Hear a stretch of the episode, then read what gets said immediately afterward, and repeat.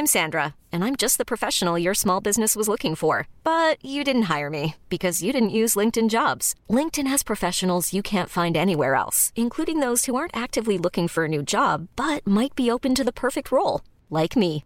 In a given month, over 70% of LinkedIn users don't visit other leading job sites. So if you're not looking on LinkedIn, you'll miss out on great candidates like Sandra. Start hiring professionals like a professional. Post your free job on linkedin.com/achieve today. When you make decisions for your company, you look for the no-brainers. If you have a lot of mailing to do, stamps.com is the ultimate no-brainer. Use the stamps.com mobile app to mail everything you need to keep your business running with up to 89% off USPS and UPS. Make the same no-brainer decision as over 1 million other businesses with stamps.com. Use code program for a special offer. That's stamps.com, code program.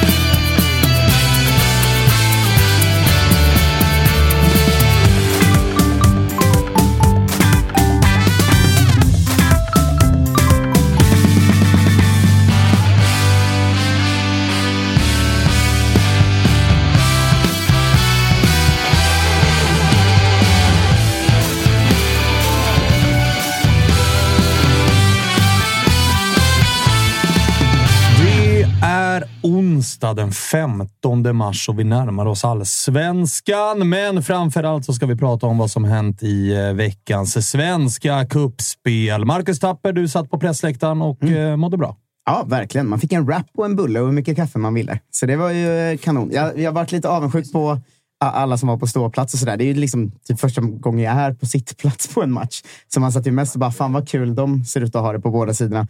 Men jag hade ju inte velat stå i varken, varken Bayern eller Gnagets klack. Så det kändes lugnt den här Du, gången. du fick nöja dig, Ja. helt enkelt. Men det var en rolig match. Ja, jag gissar att uh, Walter håller med om att det var en eh, ganska rolig match. För det var Bayern som gick segrande och du är tillbaka i studion igen. Ja, nej, det, det håller jag med om. Det var ju kul att vara tillbaka, ska jag säga inledningsvis. Det har varit några månaders frånvaro nu eh, och det sitter ju fint att vara tillbaka efter en derbyseger. Mm, det får man lov att säga. Och vi ska väl också säga, August, att eh, inte bara... Alltså, du har inte tackat nej för att eh, liksom, det har varit andra saker, utan det har bara inte passat helt enkelt. Nu passat. passade det bra. Mm, perfekt. Eh, August mår piss.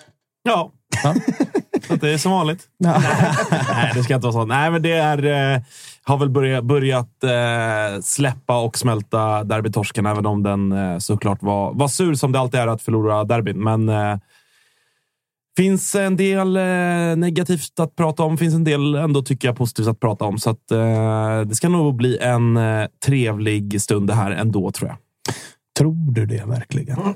Jag känner på mig att Walter kommer vara, kommer vara skön idag, så det, det, det känns okej. Är du glad känns- att det är Walter och kanske inte Kalle som är här? Ja, det, det Kalle hade kunnat vara äckligare. Ja, det, det tror jag. Eh, så det, det känns, man får liksom se det positiva. Man ska säga att det känns som att uh, Agge har liksom landat lite. För vi spelade in lite annat som ni kommer få veta mer om sen igår. Och när du kom in igår var det ju åskmolnstämning i studion. Ja, det var det. det, var det. Ja, då var jag irriterad på, på det mesta. Ja, det var mycket Eh, att du råkade välta saker och skrek. Och så. Ja, eh, jag brukar ha liksom 24 timmar behövs för att verkligen få, få ur sig frustrationen. Men eh, nu har det gått två dagar, så att det, är- ja, men det är faktiskt helt okej. Skönt, skönt att kunna fokusera på allsvenskan den här säsongen också. Ja, jag sa ju det faktiskt redan måndag kväll, att kuppen är trots allt för töntar. Alltså, det, vet, det vet alla. Och Alltså, vet du vad som är ännu töntigare? Europaspel. alltså, herregud. Nördbajen och nörd-Djurgården och nördhäcken. Sa- Samtidigt som vi skänker en tanke till Tappers polare som har bokat eh, semester och öppna Ryanair-biljetter för Peking. Där efter, efter uddamålsvinsten mot Gais redan då kände att vi vinner den här kuppen. Ja, jag rycktes ju med efter Göteborg, så jag har ju också bokat in det. Men Ja. min, min sambo är glad att vi kan göra något annat kul i sommar. Eh, grattis! Hörrni, det har inte hänt... Eh, det, det, ett av årets kämpigaste körscheman, ska vi Ja. säga så här på förhand. ja, det har Alltså, varit... det är klart att vi ska prata mycket om derbyt, men det har inte hänt så mycket sen liksom, vi spelade in senast, förutom det derbyt. Det har varit lite så här Högmo, ryktas till Mittjylland. Det kom en landslagsuttagning nu som inte rörde så jättemycket allsvenska spelare. Så att det är inte, det är, det är inte sprängfyllt i körschemat idag. Nej, det är väl det, den där landslagstruppen finns det väl några ändå allsvenska eh, saker att ta upp. Eh, Walter såklart eh, medvind i livet här.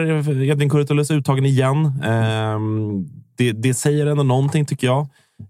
Och sen var det väl Samuel Gustafsson, Samuel Gustafsson va? Mm. som känns numera, tycker jag, alltså nästan given i den där landslagstruppen. Mm. Ja, och, och eh, jag tror att både Kurtulus och Samuel kom, kommer vara där från mig nu. Alltså, vår mittbacksuppsättning är alltid skadedrabbad, inte så jävla stark i bredden och Helander är på väg hem till Sverige kanske och Kurtulus är ju snarare kanske på väg ut inom något år. Så, där, så att, eh, båda de kommer man nog se där de närmaste åren, tror jag faktiskt. Förtjänar väl att vara där, Kurtulus? Ja, absolut. Det tycker jag. Det, han eh, är väl den spelaren kanske som, som sett bäst ut på hela försäsongen i Bayern. Så att, eh, han har verkligen varit dominant eh, och känns som en, en given ledare i, i det Hammarby vi har idag. Så att, eh, Eh, det var ju inte helt oväntat. Det är inte Hien skadad också? Eh, han har ju dragits med både han och Ponne och Ponne har ju taggat nej dessutom, mm. vilket gör att mittbacksituationen är ännu mer vad den är och det öppnar ju dörren, dörren för andra. Då. Så jag... Men Hien är ändå uttagen va, tror jag? Ja, det, är ja, men, men han har haft skador. Jag, jag trodde han skulle bli uttagen på, på Hiens bekostnad. Ja. Men... vi ska säga att både Hien och Karl Starfelt är uttagna som båda dras med skador, så att speltidschansen är ganska stor för Kurtulus. Eh, kanske framförallt mot Azerbajdzjan, skulle jag gissa. Ja, det är nog eh, favorit på att han, Belgien blir... Mm. Kanske, då kanske man pressar dem som har lite mer... Det är väl, ja. det väl Vigge och, och Hjalmar som är, på, på tal om ändå liksom relativt närtid koppling allsvenskan. Hjalmar Ekdal känns det som att han kommer väl starta den där backlinjen? Jag tror att, att tonen runt jag följer ju kanske landslaget mer än de flesta andra. I Framförallt följer du de, de utländska ja. spelarna som eventuellt kan vara på väg in i ett ja, landslag. Men, exakt. Mm. Eh, men tonen från landslagshåll har nog varit ganska mycket tycker eller känslan att det kommer vara Hien och Vigge man satsar jo, jo, men på Hien, första. Hien som ju ändå är skadad väl? Eller har varit? Ja, men han är ju hans... uttagen och jag gissar ja, att man... man... ändå tänker att han kanske ska kunna vara spelbar i, i en av matcherna. Då. Annars är det konstigt att ta ut honom. Faktiskt. Eh, så, så, att jag gissar sant, att om Hien kan spela nu, han och Vigge, ja, kan han, han inte spela Vigge och Hjalmar. Ja. Och sen matchen mot Azerbajdzjan, kanske Kurtulus och en av de två. Då. Skit i landslaget. Ja, ja, ja, Tillbaks till måndag kväll. Tele2 Arena. Bayern mot AIK. Walter, vad hade du för, vad hade du för känsla när det till att börja med då, drogs lotten AIK? Vi pratade, August och även jag, det är ju att eh, liksom vinkla sanningen på ett sätt som gör, eh, man gör om man vill hetsa när man påstår att så här, AIK jublade om drömlott. Det var ju snarare så med förutsättningarna som gavs att gynnsamt läge att få Bayern och sen eventuellt Mjällby-Kalmar mm. inom en final. En tuff motståndare kommer du få ifall du inte blir bästa gruppetta. Och Bayern där och då får man väl ändå säga på förhand, i alla fall för oss AIK, det kändes som ett sämre lag än Häcken och Djurgården bättre än Kalmar. Så mm. att, nej, okay, liksom. ja, Men vad, vad hade du för känsla när det drogs AIK? Mm, nej, jag, jag var inte så sugen på derby eh, av många anledningar. Dels så, så kunde vi ha fått ett bättre motstånd då, eller ett enklare motstånd i i eh, var det Mjällby, va? Eh, mm. Eh, och jag tar gärna så lätt som möjligt, eh, så långt som möjligt. Och sen är jag inte så förtjust i derbyn. Alltså jag tycker det, det är ganska jobbigt emotionellt. Eh, det, det, jag tycker det räcker med de fyra Stockholmsderbyn som är i allsvenskan, så det är inte så att jag, jag gick och törstade efter att få ett derby nu. Eh, så att jag var väl missnöjd på så vis med, med lotten. Eh, men, men, men samtidigt så var ju motståndet... Jag hade kanske hellre fått Malmö, så det hade känts lite, nästan lättare än AIK. Är det så? Ja, jo, men med tanke på eh, vad Malmö är med ny tränare, de försöker sätta ett spel och att eh, just derbyn lever lite eget liv. Liksom. Det känns som det, det spelar ingen roll vilket nödvändigtvis är det bästa laget, utan det, det, det kan gå lite hur ja, som helst. Så att, eh, det, Malmö hemma, som vi dessutom har gjort, var länge sedan förlorade mot Malmö hemma, förutom då cupfinalen, men det var ju på straffar, så det, det lever lite eget liv. Men, men de känns som att vi har haft ganska bra resultat mot, de senaste åren, så att, det hade väl kanske hellre haft. Men och allra helst om Mjällby. Så att, äh, jag var lite missnöjd får man säga. Och på matchdagen då, när det i alla fall i min telefon. Jag eh, missade att vara på plats med tanke på att jag fastnade i någon form av flygkaos och befann mig på Bergamos flygplats alldeles för länge och landade ju på Stockholm Arlanda vid 19.15 eller något sånt. Så jag fick ju se det här. Vi löste i både ju försening mobil... åt dig. Så ja, jag vet, jag vet, jag vet. Men att sätta sig i den taxin och vara så här. Ja, jag kommer nog inte komma in förrän kanske 2015, kanske 2030. Eller så hinner jag hem och se matchen ordentligt. Det har varit vad det varit, eh, helt enkelt. Men i alla fall, när jag var på den där flygplatsen i Bergamo så började det liksom plinga in DMs och rapporter att nu är Nahir Besara sjuk och Majed är sjuk och Fenger är sjuk. Och, Mm. och vad, alltså, fick du samma rapporter och vad kände du när du började liksom närma sig släpp av 11?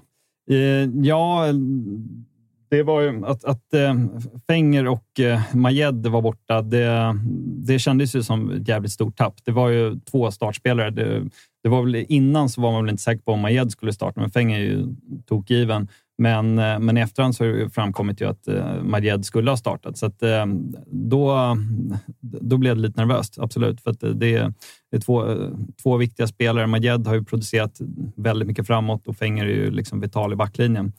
Eh, Så det var inte den bästa uppladdningen när, när elvan kom. Tapper från... som, eh, till motsats då till AIK som känns som, som hade möjlighet, eventuellt, nu vet man inte. Det, det, Brännan sa väl efteråt att eh, Durmas hade haft lite känning och, och sådär, att det var skälet till hans start. Men annars känns det ju som att AIK hade väl i stort sett bästa laget på, på banan. Eh, Ja, alltså jag tolkar laguttagningen som framförallt när Jimmy Durmaz kommer in och så som han ser ut och att det är en derbymatch gör ju att jag tror att det är ett taktiskt val eller ett liksom fysiskt val, att man, eller att man väljer andra egenskaper. Mm. Eh, För att så som han såg ut när slutsignalen går, Jimmy Durmaz, så kändes det inte som att han gick på knäna, utan snarare att du hade nog orkat en kvart, 20 till. Vilket alltså betyder att du hade pallat spela 60 minuter. Ja, det hade han nog gjort kanske, men, men då kanske man... Alltså jag, spekul, spekul, spekulation bara, men då hade kanske alternativet varit att, att starta med Jimmy Durmaz, men att han bara har 60 i sig och således måste bytas ut med en halvtimme kvar när det eventuellt troligtvis ska avgöras i någon mån. Då är det så här, det, ja, det beror helt på vad det blir för typ av man, man matchbild. ville såklart, väl, Jag antar att man ville från AIK säga stänga lite mer. Att det inte skulle stå 2-0 då och då ska man byta in Keita. Liksom. Ja, nej, men, det- ja exakt. Och, och jag, eh, om, om vi ska på något sätt komma över i AIKs 11 och, och sådär, så jag gillade ändå nej, spontant när, när 11 kom. Jag blev såklart förvånad då över att det var Keita med tanke på att han har typ tränat med laget i en vecka eh, och kommer från många röriga år och säsonger av ganska lite speltid i, i, i liksom halvstökiga lag. Men jag kände ändå i magen att det var rätt att få in en tydligare liksom, sexa med egenskaperna i defensiven. Med tanke på att det är framförallt en Nahir Besara som kommer röra sig i den ytan i, på motståndarsidan. Eh, inte nödvändigtvis för att liksom, AIK ska ligga superlågt, men för att jag tror ändå att den fysiken som Keita eller Jesper Ceesay, som kanske var, är den spelaren jag hade föredragit, eh, sitter på andra egenskaper än vad Bilal Hussein och även Jimmy Durmaz gör. Så att, eh, Men jag tror att det Walter far efter är att Brännan kunde ändå välja sin startelva efter taktik Absolut, och upplägg. absolut. Medan Gud, ja. Marti snarare var tvungen att så här, Majed är out. Jag kan inte, Fenger är out. Jag måste ändra. Nej, Alltså, så, är det, så är det. Där finns det nog inga, vad jag vet, liksom, eh, ursäkter att, att någon var halvskadad eller småsjuk eller så. Utan det var, det var liksom det bästa laget på, på planen. Min tanke när elvan kom, eh, som, återigen som neutral, man ser ju lite matchen på ett annat sätt då. Det var ju att fan vilket test det blir av Keita här för Bayerns. När jag ser de här mittfälten, det känns ju som att det, det är inte den roligaste starten att gå in mot liksom Besarra och Tekke i sin första, sin första start. Och jag tycker också det präglar ju ganska mycket av starten av matchen. Om man ska, på olika delar av plan så händer olika saker, men på mittfältet så där är ju Bayern ruska och AIK ser skakiga ut. Sen blir ju Keita halvskadad efter fem minuter eller någonting. Men Jag det, tror det är till och med i den andra minuten. ja, ja, men exakt. Så, så det är ju ingen drömstart för honom så, men, men han blir ju ganska, ganska överkörd när han stapplar runt där, tycker jag. Ja, och jag har ju varit, det vet ju alla som har lyssnat på den här podden, eh, alla som också är aik och lyssnar på, på Testa Stör, vilket jag gissar att en del bajare säkert kommer göra idag också, för att man gillar ju blod. Eh, det gör ju folk. Ja, som Eh. man har lyssnat på BB-podd på sistone. lilla, lilla prenumerationsknappen har man klickat i där exakt, också. följ. Bli, bli Patreon. Pinga gärna mig när det kommer ett nytt avsnitt av BB-podd. Eh, skämt åsido, men eh, jag har ju inte varit jättehypad över Abubakar Keita-värvningen. Jag har inte riktigt sett eh, hans storhet, syftet med värvningen. Och som August är inne på, jag tycker att vi typ har den spelaren själva i Jesper Ceesay som kan växa fram till det. Men jag tycker också när jag ser den där matchen att från matchminut två, han springer ju typ runt och haltar redan då. Ja, han är ju Alltså, skadad. Han han är ju skadad i 38 minuter. Att det var så här, jaha, där, där var det. Och det, och det präglar ju och i någon mån, liksom, tycker jag, förstör första halvlek för AIKs mm. del. Eh, jag tycker att det är supertydligt och det handlar inte bara om Keita, utan det handlar också om vilken klass Jimmy Durmaz har. Att det är då, tycker jag, matchen vänder lite grann till AIKs mm. fördel. Även om liksom, Hammarby gör ju mål tidigt i andra och allt sånt där också. Men jag tycker att det blir en enorm skillnad på det centrala mittfältet när Jimmy Durmaz kommer in. AIK får en helt, mm. helt annan trygghet och helt annat liksom, självförtroende i spelet. Jag tror att Eh, Hammarby var lite förvånade över det själva, hur liksom, trygga AIK var med bollen på Tele2. För att mm. Oftast i de här mötena har det sett ut som det gjorde i fjol i 3-3-matchen, där, där AIK kommer undan med liksom, maximal utdelning och, och är liksom, ordentligt nerpressade stora delar av matchen. Nu var det ju liksom ett AIK som eh, ja, såg annorlunda ut. Sen så resultatet blev ju vad det är och det är ju liksom prio 1, 200 på, på listan såklart. Men, men så att, eh, det är så jäkla olyckligt med Kita, men, men i någon mån också. Jag, jag blev inte förvånad i alla fall när, med tanke på hans liksom, skadehistorik och allt som har varit. Att så här, ja, det är klart att han ska gå sönder efter två minuter. Vad tror man när man kastar in honom direkt i ett derby i en kvartsfinal i kuppen. Men alltså det var lite, lite, så. Jag tyckte det var, det var nästan lite så här. Det var ju synd på många sätt. Det är alltid synd när en spelare blir skadad. Men det var också synd för att när starterna kom så satt vi och pratade, jag och Josip. Då, då, min spaning var liksom att så här, Bayerns mittfält här kommer köra över AIKs mittfält. Men man fick, den spaningen fick ju aldrig testas eftersom det går inte att bedöma riktigt när Keita... Han kunde ju inte springa överhuvudtaget. det, det såg alltså, parodiskt ja, det, alltså, det är klart alltså. att de blev överkörda då, men jag tycker ju i grunden att eh, Keita Till och Bilal Hussein versus Sadiku Besara och eh, Tekke. Tekke.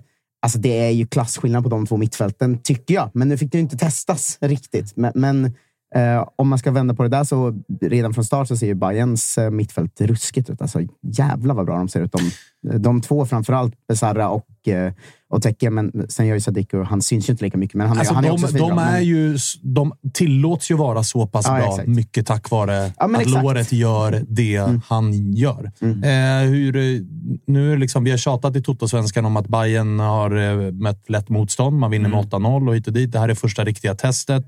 Hur trygg eh, känner du dig efter det här testet i det vi är inne på? Framförallt mittfältet, där ju Darian har blivit Teke. Ja, nej, men eh, vad det gäller det bytet, Darian Teke, så, så känns det ju skitbra just nu. För, för Teke tycker jag väl kanske bästa spelaren i Bayern den här matchen. Eh, och det, är, det är ju grymt skönt att se naturligtvis.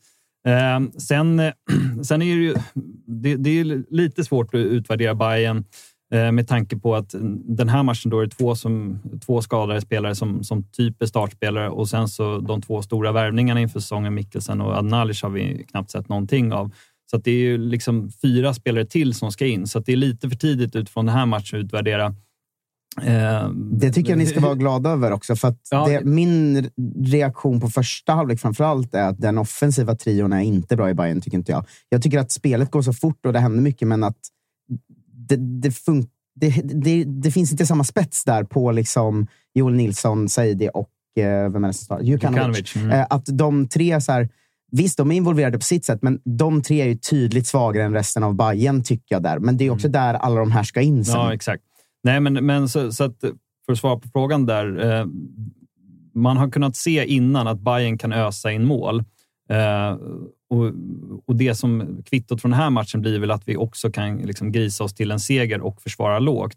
Men, men eh, samtidigt så önskar jag absolut inte att det ska se ut på det här sättet som det gör den här matchen, eh, liksom sen när, när allsvenskan drar igång. Alltså när vi har AIK hemma, då ska vi vara dominanta. Då ska vi ha 60 procent av bollinnehavet. Uh, och jag vill inte att vi, vi ska vara, liksom, behöva försvara oss lågt mot AIK. Samtidigt speglas tror jag matcherna, för Bayern tycker jag är bra i inledningen, de 10, 15, 20 första. Eh, även om AIK har väl bästa målchanser där med Guidettis nick. Men, men där tycker jag Bayern är ganska dominanta och vi, vi skapar mycket fasta situationer och får mål.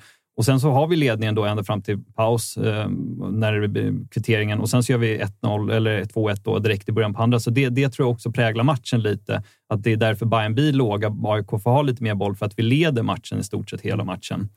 Eh, och, och, då är det väldigt skönt att se att vi, dels så, så tycker jag vi är jättebra i närkampsspelet Eh, och vi, vi känns trygga i försvaret. Det är väl, Fischer har ju ett bra läge som, som, han ska väl göra mål på. Guidetti har ju ett bra avslut.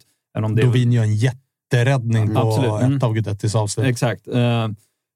Ja, jag tänker på, på skott där i slutet, men i övrigt så tycker jag AIK inte skapar så jättemycket uh, klara målchanser. Det, det är väl Fischers framför allt, för att Guidettis skott är, ändå, det är väl utanför straffområdet. Men Eh, och, och, det tycker jag är jävligt skönt att se med också en helt nykomponerad backlinje. Eh, så att eh, försvarsspelet känns ju... Bayern känns trygga i att eh, även låta motståndarna ha boll och det, det är ett jätteskönt kvitto. Men som sagt, så här, så här vill jag inte att det ska se ut sett över 30 omgångar. Men en, en grej jag reflekterade på där med AIK, för jag tycker att AIK gör ganska mycket bra i den här matchen. Alltså, vi pratade om innan att det kändes som att det visst kunde bli en bayern överkörning men att AIK också skulle kunna komma från andra hållet och liksom straffa ett Bayern som inte testats riktigt än. Sådär. Och, och jag tycker att AIK ser det ser, mycket ser ganska bra ut. Jag tycker det kan sluta på andra sätt. Det, det slutar på andra sätt om inte Nordfeldt, assisterad av domaren, eh, gör ett mål där också. Eh, men, men så, så här, det, ett kryss hade kunnat vara rättvist där, absolut. Men en grej man tänkt på med AIK tyckte jag, framförallt kanske första 45, att tempot i anfallen när de har boll, det går långsamt. Och då ser man de bredvid Bayern också, där mycket saker går väldigt, väldigt fort. Men det skulle behöva komma upp lite i tempo när AIK anfaller för att det, det går, liksom, det går lite för långsamt, så man hinner liksom se vad som ska hända hela, hela, hela tiden. jag. Jag. Delar det, ni den bilden? Ja, det gör jag. Och jag förväntade mig nästan det när jag ja. hörde på uh, vår tränare Andreas Brännström inför matchen, när man pratade om liksom matchplan. Han, både på, jag tror att det var internmedia, men också i andra kanaler, var inne på att mot Bayern så gäller det att matcha dem bollinnehavsmässigt. Mm. Och då tror jag att han menar det som har varit Bayerns styrka ganska länge. Att ibland kan man bara äga bollen för att äga bollen så att de inte kan äga bollen. Mm. Många gånger kändes det som att man såg att Bilal Hussein kunde trä ut den snabbare på Rui Modesto. Mm. Höll i den någon sekund för att liksom, mm. ta det lugnt. Låt oss bara äga bollen här lite. Vi behöver inte nödvändigtvis attackera. För det som man har sett AIK på Tele2 hundra miljoner gånger, det är ju den här stressen att så fort någon får bollen så är det, jag måste göra någonting med den och så kommer Bayerns återerövringspress och så är det över. Och så är det bollinnehav liksom 90-10 och så fort eh, Otieno har ett inläggsläge, då ska bollen in i boxen. Sällan den landar in i boxen, utan snarare får andra ytterbacken hämta bollen någon annanstans. Det var en del svaga inlägg från båda kanterna. Ja, det, får, det, får man, det får man verkligen lov att säga. Men, men, jag delar din uppfattning, men jag tror snarare att det var, handlade om en matchplan snarare mm. än en... Liksom, och att så här, vi hade en spelare i mitten som typ, är man i mitten av planen ska man vara dirigenten. Det hade ju inte Keita i sig. Nej, men det, då kanske jag ifrågasätter Brännström mer där då, för då är matchplanen hela tiden någon sekund för långsam tycker jag. För att det, det går liksom så pass långsamt att det känns inte som... Sen har de ju ett par lägen, det ska man ju säga också. Alltså det kan ju verkligen bli fler mål. Men det känns som det är så många gånger där man ser att så här, det kan liksom inte bli något, för det är så lätt att se vad de ska göra. För att det tar Säg att man vill köra det lite långsammare, det ska vara matchplanen då, men det kanske ska ta en sekund istället för två sekunder. Då. Alltså lite mm. snabbare än sådär måste ja, ja. det liksom ja, gå, tycker jag. jag. jag. håller med till viss del eh, och, och jag tycker väl att eh, liksom en, en invändning som jag har haft mot, mot uttagningen utöver Keita då, så, så, är ju det Vincent Hill som får starta i, i liksom tia-positionen bakom, bakom Fischer och, eh, och John. Jag tycker inte alls att han kommer till, eh, kommer till sin rätt i den här matchen, trots att han får spela i, i den liksom, som i det här systemet väldigt fria och vad det måste vara med de egenskaperna, härliga rollen. Alltså på samma sätt som, som Nahir får röra sig så fritt som han vill och, och, och, och måste liksom älska och tycka det är så jävla roligt att spela fotboll. Så tycker jag inte att till, han kommer inte alls in i matchen. Han kommer ofta ut väldigt långt ut till höger. Eh, lyckas inte riktigt kombinera sig fram med Modesto som i övrigt gör en, en väldigt bra match. Eh, Modesto då, alltså höger wingbacken i AIK. Men, men till är väldigt, väldigt svag i den här matchen, vilket också gör att Fischer istället väljer att droppa ner för att han vill bli mer involverad i spelet. Så att här, jag, jag, jag, tycker att mycket av det, att det gick lite långsamt, kan ändå härledas till den, det valet av tia i form av Vincent till. Jag tycker ändå att det blir en skillnad när när, eh, när han går ut och när Fischer faller ner och Omar Faraj kommer in som, som en kompanjon till, till John Guidetti. Då tycker jag ändå att det händer någonting annat. Men då får man ju eh. lägga det också på brännan. Alltså, ja, ju, absolut. Då är det, det, det, är min, det är min kritik ja, mot, mot brännan. I, i det här um, ja, men jag, jag håller också med om att det, Men annars, det, annars tycker jag, på tal om liksom så chanser och så, jag tycker ändå att Eh, alltså, lite det vi var inne på. Jag har sett AIK göra matcher på Tele2 där vi har haft typ två lägen. Mm. Tutti på 90 minuter. Om man, så att om man nu ska ändå försöka se något positivt i det, vi skapar ändå, tycker jag, absolut inte liksom 12 högkvalificerade chanser, men vi har vad då? Fem, sex ändå bra chanser mot ett Hammarby som eh, i fjol släppte in typ näst minst antal mål, som har, gör en bra liksom, match defensivt. Det håller jag med dig om, Walter. Men vi har ändå fem, sex bra chanser. Det är ganska bra. Men inte det lite krydd? Fem, sex bra chanser? Det har vi väl, eller? Vilka då? målet? Ja. Mm. Eh, Fischers. mm. John Guidetti har utöver målet då, som han är ish inblandad i, två till nickar och ett avslut i andra halvlek som vi gör en rätt, jätteräddning på. Fischers nick ska ej glömmas här när han avgrundsvrålar upp mot norra när han Mm, nickar just det. en halv meter utanför från Det är ju fem sex bra chanser. Mm, ja.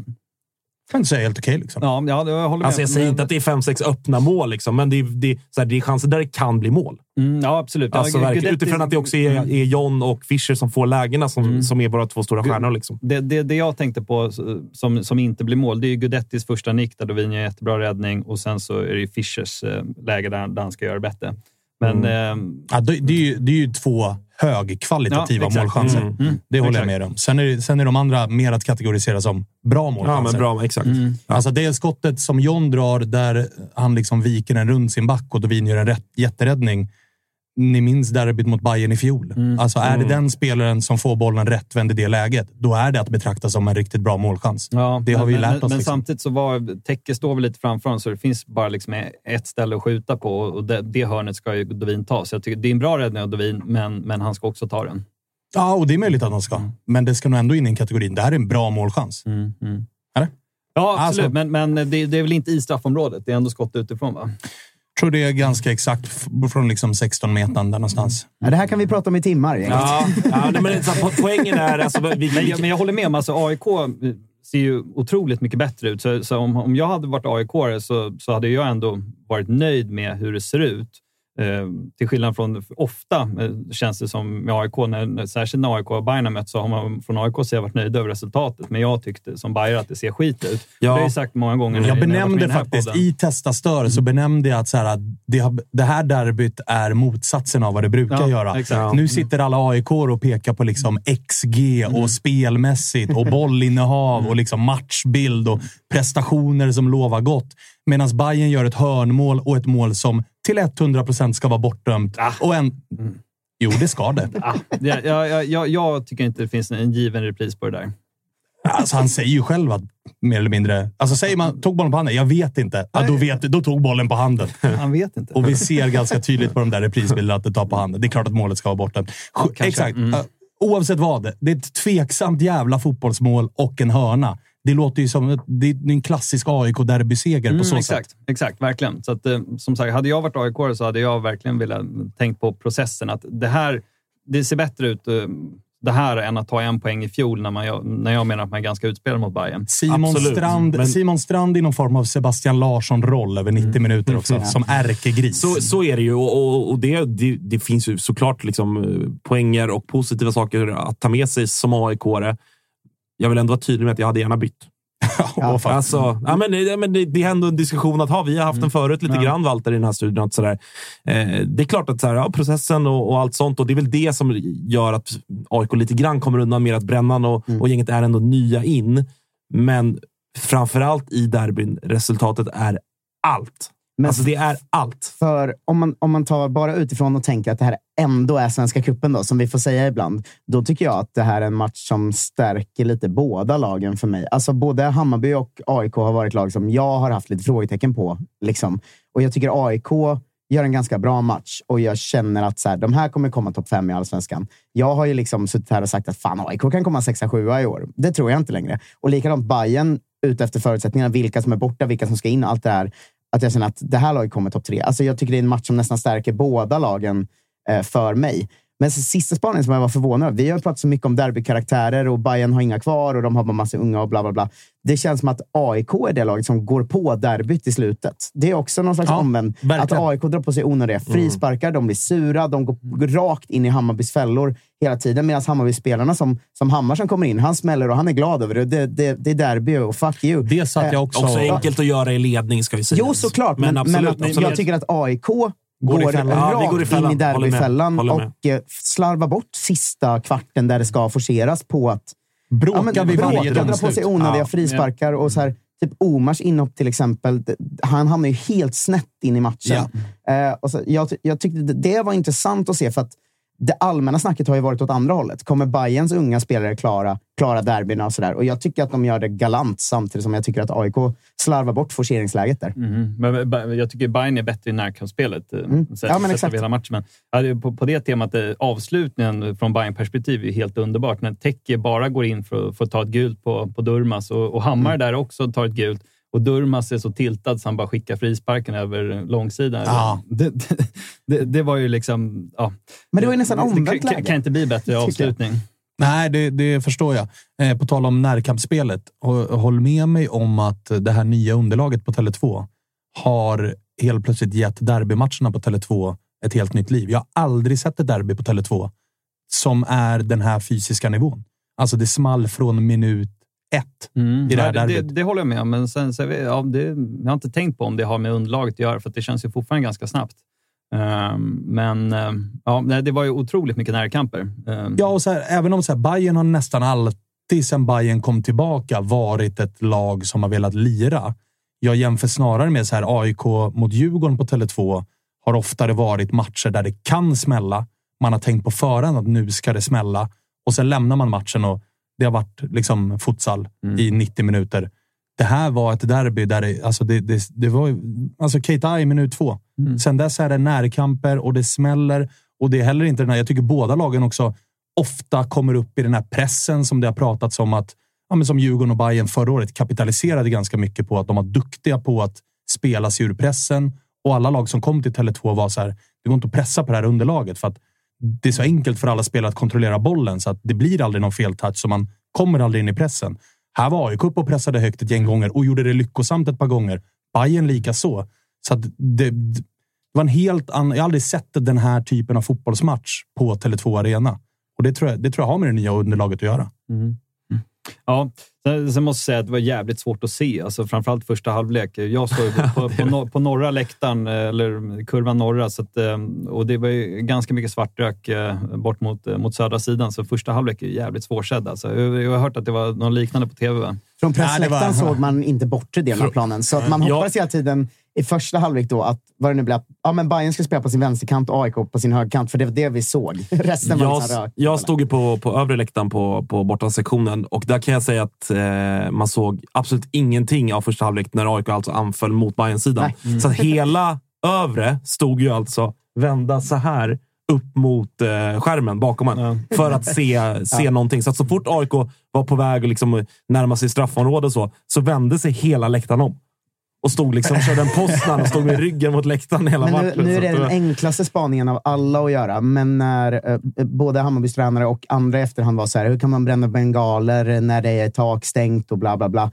Att man känner så här, hur kan man ha ett stängt tak på ett derby. Alltså det, det, är en så enkel spaning att göra. Men direkt när man kom dit var man så, okej, okay, eh, ja älskling, jag kommer hem 23 för att det kommer bli uppskjutet till 45 idag. Mm. Eh, du, eh, du som satt där neutral på långsida, då, nästan. Deras pressläktare är ju så jävla märklig, för den är ju inte på mittlinjen. Men den är närmare borta. Ja, exakt. Men, men hur upplevde du stämningen? Ja, men väldigt, väldigt, väldigt bra. Det, det kändes ju också som en sån här eh, en klassisk kvartsfinal i Svenska cupen-grej. Att så här, oh, nu vaknar fan säsongen här. Alltså det... Har du varit på något Stockholmsderby? Ja, ja, men det har jag varit. Ja, det har varit. På, okay. ja, fan vet jag. Du. På sittplatser förr. Okay. Ehm, ja. Suttit och hejat på förlust för mm. båda lagen. Ehm, men, men, eh, nej, men det... domarhejningen. Exakt. Men man fick ju verkligen en känsla av att så här, fan, det är igång nu och vilka jävla klackar. Och, och så här, ja, men det var härliga bränningar och, och härlig inledning på matchen och det var bra stämning rakt igenom. Och sen så jag tycker det här pratar vi lite om utanför Svanman, men att det blir ofta, tycker jag, när man går på derby, att bortaklacken är bättre än hemmaklacken. Mm. För att de kör, alltså det är oavsett om det är på Friends eller Tele2, så det är inget lagspecifikt här. Men, men det blir att bortaklacken har feeling och nu är det, vi ska ta över det här stället och liksom... Och för att det är de som verkligen... Alltså man får ju ett visst... Jag vet inte hur många tusen det är. Fyra? Fyra och ett halvt tror jag. Fyra och ett halvt. Ja, då är de fyra och ett halvt som verkligen ja, för att de, nu, tar de ju, nu tar de ju ut på en halvtimme. Ja. Så det är ju de som verkligen är dedikerade. Mm. Som sitter där på låset vid 11.59 ja. och uppdaterar den där jävla biljettsajten och ska ha sina plåtar. Vilket ju gör så att det blir 4500 dårar på ett och samma ställe. Mm. Och på hemmamatcherna och hemmaderbyna, då är de kanske utspridda. Några på ena sidan, några på andra, några på långsida. Mm. Nu koncentreras det. Så jag delar ju din bild. att jag, jag sitter centralt på på Friends. Jag tycker ofta att det är, det är ofta bra tryck på, på bortasektionen. Ja, alltså borta, bortaklacken forcerade ju då bättre än vad spelarna gjorde, får man ju säga. Jag tyckte det var bra drag på AIK-klacken, men det var också bra drag på... Alltså det var en bra match eh, läktarmässigt, tyckte jag. Hatt av till eh, tifogrupper som på kort jävla tid mm. drar ihop den typen av eh, arrangemang. För där är det ju fortsatt hög klass. Mm. Mm, ja, det, är, det ska folk veta när det är... Alltså det är Normalt sett kanske alltså, båda de koreografier som, som både AIK och Hammarby presenterar här hade mm. ju kunnat varit i en hemmapremiär eller liksom, alltså, där man har vetat om matchen i ett halvår. Mm. Att, att båda kortsidorna levererar här när man typ haft här, tre dagar på sig att lösa det. Och dessutom när Djurgården spelade match dagen innan. Mm. AIKs tifogrupp fick ju eh, besöka Tele2 halv tio på kvällen eh, efter Djurgårdens match i söndags. För att mm. liksom, eh, normalt så får man ju tillträde dagen innan för mm. att eh, i lugn och ro eh, lägga ut allt som ska läggas ut och så vidare. Man så fick att, också en riktigt bisarr känsla av att, för när man ska på pressläktaren på Tele2 så går man liksom in, man går i en sidoingång, sen går man ju på plan och sen upp på, mm. på läktaren. Liksom. Och jag och Josip var ju såklart väldigt sena till matchen, eh, så vi kom ju så tio i eller något sånt. Så när vi kom ut, då var det, det var inga vakter kvar som kunde leda något. Så det var bara jag och Josip ensamma ut på plan och två klackar som bara verkligen hade börjat komma igång. Så man stod där och bara, fan nu made it ändå. jag ska fan spela Stockholms derby här. Eh, men det var, det var riktigt härlig match. Alltså. Ja, men det var fan det. Jag stod själv på plan framför två jävla kokande klackar inne på Tele2. Det var ändå härligt kan du ta med dig hela mm. vägen till graven. Mm. Stort tack till Bayerns personal också, som när vi kom eh, och sa att vi var från Tuttosvenskan sa att det var på tiden och var glada att vi var där. Det, stort, det tyckte jag om. Stort. Du är kanske välkommen tillbaka då. Mm. Blev tyvärr kallade alternativmedia av Fotboll Stockholm, vilket jag kände att ni ska väl, ni är väl fan lika mycket alternativ, eller? De är också bara begränsade till en stad. Vi kör, kör Framförallt har väl också begreppet alternativmedia kidnappats lite av av Viktor Asp. ja, jag, tänkte på, jag tänkte på värre personer än Viktor och värre liksom, fenomen än Viktor Asp. Men det var du som sa det, Tappe. Det du som sa det, Tappe.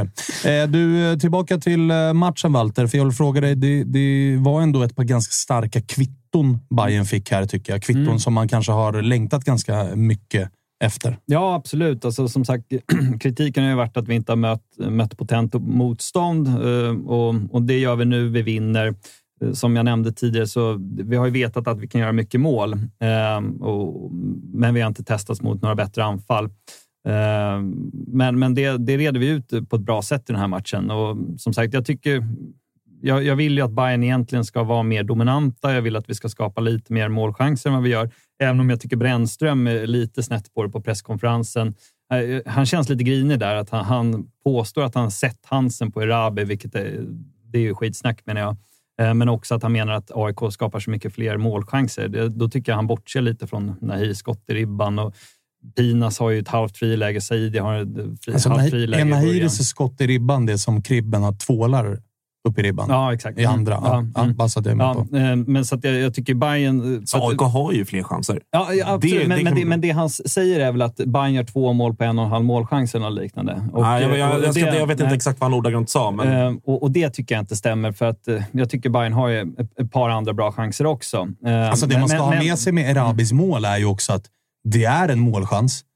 Milos, Milosevic ska ju en del kritik här, för han står på hälarna. Ja, ja. Mm. Sen ska... Alltså, Ta bollen kribben. på... Ja, även alltså, kribben. Det är ett skott som är mitt på. Visst, det är från ganska nära avstånd mm. han är på den, men en målvakt av kribbens kaliber. Alltså det, går, det går att jämföra lite, tycker jag, med Fischers avslut. Som ju också, och det har man också sett på den där mattan. Jag tycker att ACs 2-1 mål i, mot Djurgården i, i, i matchen innan går lite att likställa också. Man har sett på den där jävla snabba mattan. Bollen sticker gärna, lite som när det har regnat mm. på en naturgräsplan, en riktig gräsplan. Att den sticker iväg. Lite så gör ju Erabis mål också. Mm. Får det som jävla fart. Den får som fart, så jag, jag kan köpa. Det, det är inte en tavla, men man kan ta den. Ja. Dovin tar ju faktiskt Fischer, som ja. också är från nära håll, mitt på. Mm. Men, men snabb, eh, liksom. Rabis tycker jag är svårare att ta på så vis att det är mellan benen. Liksom. Så det är mm, längs backen. Jo. För att mm. Eh, Fischer skjuter väl rätt på Dovin. Um, ja, jag, jag, jag, men också längs med backen, va? Eller? Ja, det är längs med backen, men det, det är ett svagt avslut. Mm. Det är ett svagt avslut. Nej, men eh, absolut, alltså, det där ska väl Nordfeldt kanske ta, men, men det, det, är, det är rätt nära ändå. Ja, det är det. det, är det. Eh, men det är också en match i matchen där, där Dovin gör ju mycket bättre. Alltså Nordfeldt ser lite svajig ut, tycker jag. ändå, Eller? Ja, alltså framförallt så här, mm. han ska, jag tycker att han ska ta mm. 2-1 målet. Mm. Det tycker jag att, och jag tycker att 2-1 målet dessutom är svagt försvarsspel av Milosevic, för han hänger inte med Erabi han ska bli räddad av att bollen tar på Erabis hand. Det tycker jag man ser att den dämpas ganska tydligt och lägger sig perfekt. Mm. Men det är fortfarande, det, det tar ju inte ifrån att det är ett dåligt ingripande av både Milosevic och mm. Kribben. Nej, och redan innan också. Jag, tycker Ajay, det, jag vill minnas att det är Ajay som vinner närkampen på mittfältet eh, när han kommer upp, och, ja. kommer upp och nickar fram det. det är också lite mm, typiskt för den här matchen. Han, vann, han torskar fan inte en nickduell. Alltså. Nej, exakt. jävla spänst han har. Ja, och han, han, är ju, han är ju lång. Han är ju, han är lång redan som där. Ja, exakt, men, men där är han så jävla dominant. Och det är ganska högt upp ändå, som, som han som mittback är och vinner den duellen som, som skapar sen chansen för Rabi. Men, nej, men jag tyckte eh, brännan var, var lite snett på det. Att, att Bayern inte... Liksom, eller en och en halv målchans, det tycker jag inte riktigt rättvisande. Men eh, eh, jag tycker vi visar att vi, eh, vi, vi, kan spela det här spelet också och, och gneta oss till segrar och eh, visa karaktär i den här typen av matcher. Ja, och det är väl det som har varit frågetecknet. Alltså när de mm. spelarna som har försvunnit har försvunnit. Mm. När ersättarna har varit vad det har varit och när motståndet, alltså ni kan inte rå för vilka ni lottas mot i Svenska Kuppen Och mm. jag menar, herregud, gå ut och vinna med 8-0 mot ett superettanlag som nyss spelar allsvenskan. Det görs inte på beställning. Det ska ta med fan gudar och, och allt annat veta. Men det, har ju ändå... Du nämnde kritik, men jag kan tänka mig att det viss, hos vissa Bayer har också varit en oro. Att så här, vart, fan, mm. vart fan står vi någonstans? Mm. Att ni kan spela den här offensiva, trallvänliga fotbollen och vinna med 6-0. Det vet man ju om oavsett vilka som försvinner egentligen. Det här var ju nästan det kvittot. Ni, ni behövde ju nästan matchen där det var så här. Okej, okay, nu behöver vi försvara oss. Mm. Nu behöver vi brösta upp oss. Nu måste de unga kliva fram och visa att de också kan göra mål när de bara får en målchans, inte när de får fem. Mm. Och där fick det var liksom var check i väldigt många Bayern-boxar som man än så länge inte hade kunnat checka av. Nej, precis. Nej, så det, det var väldigt många kvitton man fick från matchen. Även om, som sagt, jag upprepar mig, så här ska det inte se ut jämt, men det är jävligt skönt att veta att de här unga spelarna kan spela det här sättet och det är också skönt att veta att man har tre och en halv startspelare som inte är med i den här matchen, som förhoppningsvis kommer vara med i, i allsvenskan. August, vad tar du med dig idag? Det kommer ju tröst ifrån eh, både Tapper och lite grann ifrån Walter också, att trust the process. I AIK är vi ju inte direkt mästare på att lita på processen. Nej, så är det väl. Eh, nej, men det, det som, som jag inledde med, det finns en del negativt. Jag har varit inne på, på startelvan där jag tycker att med facit i hand så, så görs det några fel. Eh, behöver inte fastna i det mer, men, men så här, alltså, som sagt, att vi ändå visar att vi kan föra spelet mot, på tal om liksom potent motstånd. Det har inte AIK heller kunnat visa med tanke på hur liksom, grupperna är utformade i Svenska cupen. Eh, så det tycker jag båda gott. Jag tror att så på sikt kommer det gynna AIK även resultatmässigt. Nu får vi resultatet emot och, och därför är det skit. Men så här, över tid så såklart att om vi på något sätt kan utveckla det, men också ha kvar den här liksom grintan och det, det lite grisiga och vinnarskalliga AIK som vi är vana vid att se. Just den kombinationen som, som jag upplever det som, det är det som har varit liksom Brännans styrka. Att han har på något sätt, eh, i de klubbar han har varit i, så har han eh, ja, men, tagit vid det, det som klubben har gjort bra och så har han vridit det lite på det sättet som han, han upplever det är det bästa. Eh, så, så jag, jag, tror fortfarande jättemycket på, på det här laget och på Brännan som tränare. Eh, jag tror ändå att eh, vi liksom på sikt kommer ha dragit lärdom av det här derbyt och, och, och ha nytta av det. Eh, sen så är det ju såklart förjävligt att det, det är mot Hammarby och på andra sidan är Djurgården vidare. Och det, det är liksom det hade väntat, högst, man vet om att, att det är Mjällby som väntar. Ja, men exakt. Alltså Bayerns eh, finalplats ser jag som, som redan klar.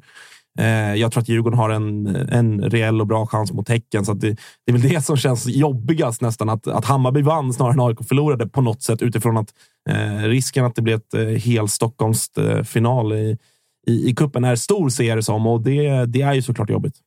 Vad eh, tänker du med Mjällby borta? Jag, jag tycker inte den känns klar. Alltså det, Sluta!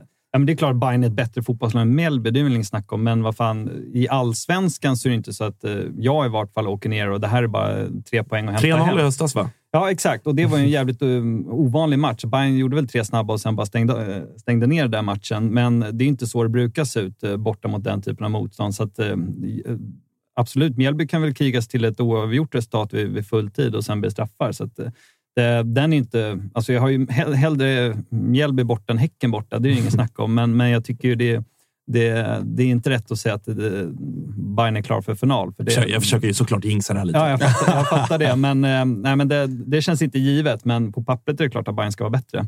Men det ska spelas på Strandvallen också. Jag fattar inte, har de gräs där nu då? Eller? Det Vet inte. Hur, vi hur såg det ut? Ni var ju Mm. nere för en vecka sedan. Men det såg ganska bra ut. Ja. Alltså, det kändes inte omöjligt att det skulle kunna vara spelklart Men det ska om vara på- på två veckor då, som det var när vi var nere. Strandvallens A-plan.